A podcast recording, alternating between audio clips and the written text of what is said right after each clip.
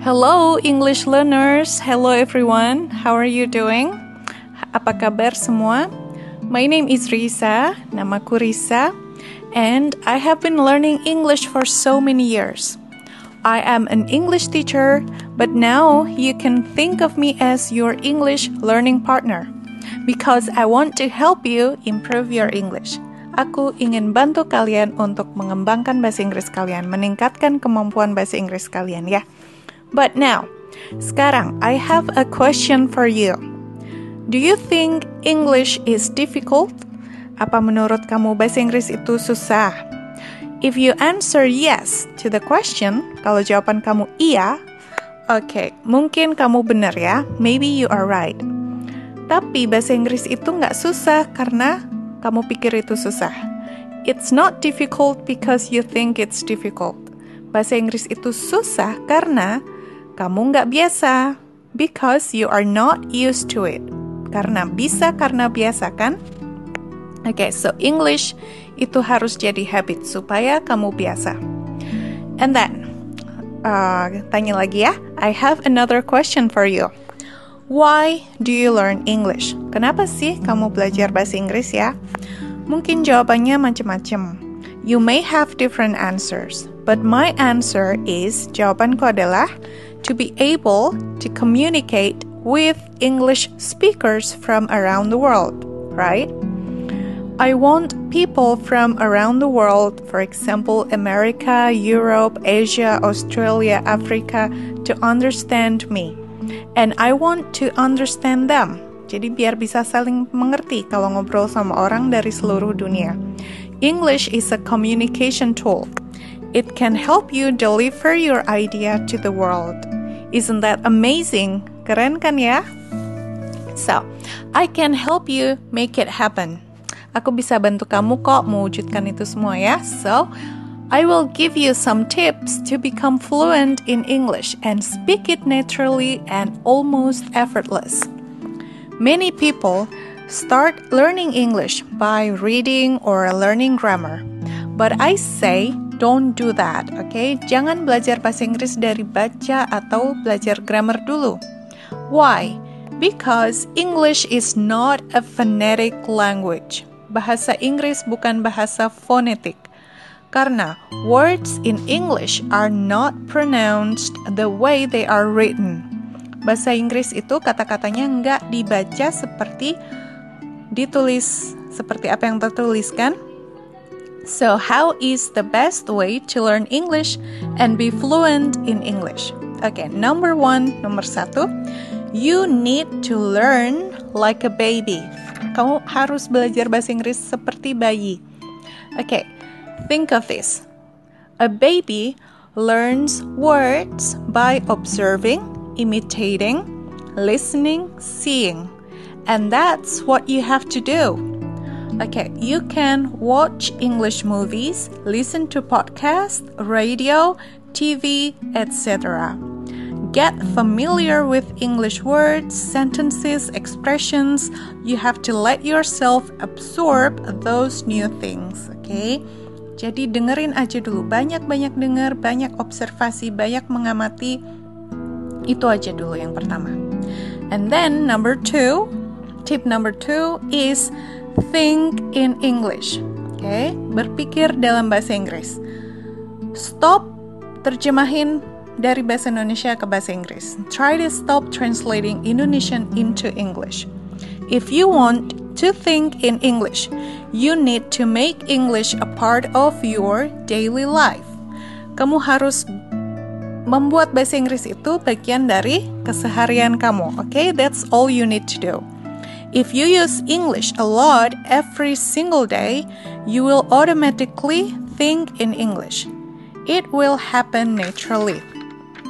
And then, Tadi nomor dua udah ya, think in English. Oke, okay. nomor satu, learn to speak like a baby. Sekarang nomor tiga, number three, insist. Oke, okay. bersikeras, insist on only speaking English with your teacher. Ngomong bahasa Inggris sama guru kamu, insist. Kalau guru kamu di sekolah ngajar pakai bahasa Indonesia, Sir, Madam, please talk or use English. I know maybe maksa ya. I know it is hard to do in a classroom where teachers only want to teach you with Indonesian. So what should you do then? Terus gimana dong? Well, there are many ways. You can find a speaking partner, bisa cari teman ngobrol. But remember, only speak in English, okay? Use the words that you know. But, okay, tapi gimana dong kalau nggak tahu katanya? But what if you don't know the word? Kalau stuck gitu ya, tiba-tiba, uh, kata ini apa sih ya, gitu ya? Okay, relax. There are always solutions.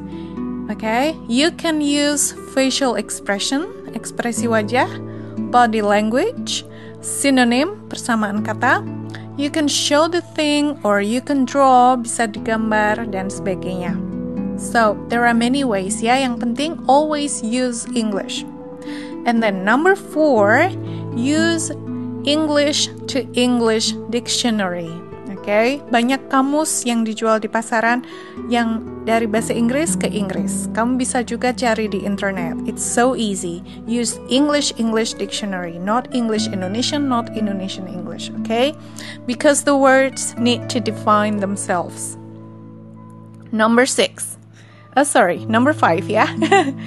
so, speak to yourself in English. Ngomong sama diri kamu sendiri dalam bahasa Inggris. Dari bangun tidur sampai tidur lagi. It's okay, okay?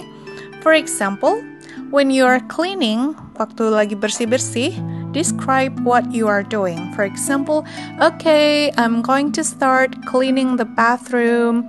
I'm going to clean the floor with a soap or something like that. And After that, I will uh, wash the dishes, for example, and I will wash the floor, I will mop the floor, sweep the floor, whatever. You can do anything to your floor, okay, as long as it's in English. So talk to yourself in English. Number six. Number six, immersion. Immersion melibatkan diri dalam bahasa yang kamu pelajari, dalam hal ini bahasa Inggris, oke? Okay? Because the best way to learn a language is by immersing yourself in that language. Libatkan dirimu dalam bahasa itu. So, you can go to um, travel to any English speaking country. You can go to maybe London, to the US, to Canada, to Australia, and so you can practice your English there. But I know it's expensive, yeah, to travel there is really expensive. But if that's not possible, you can still get immersed anywhere, okay, anytime. For example, listen to some podcasts, listen to some TV shows in English while driving, while cooking, while cleaning, while um, reading, okay, while playing with your mobile phone, you can always hear English. Put English sound as your background sound, okay, all the time. Selalu dengerin bahasa Inggris di mana pun, kapan pun. Okay, so those are six tips. Itu adalah enam tips dari saya. And to make it complete, untuk membuatnya lebih lengkap, I have the seventh tip for you. Tips number seven do number one to number six daily. Lakukan tip nomor satu dan nomor enam eh, sampai nomor enam sehari-hari daily. Because karena 10 minutes a day to learn English is much better than 70 minutes learning English once a week. Okay, so sekian tips dari aku. I hope you will be fluent in English and enjoy the class with me in a speak up class. And I hope I can help you improve your speaking and your English in general. Okay, see you in the next podcast. Bye bye.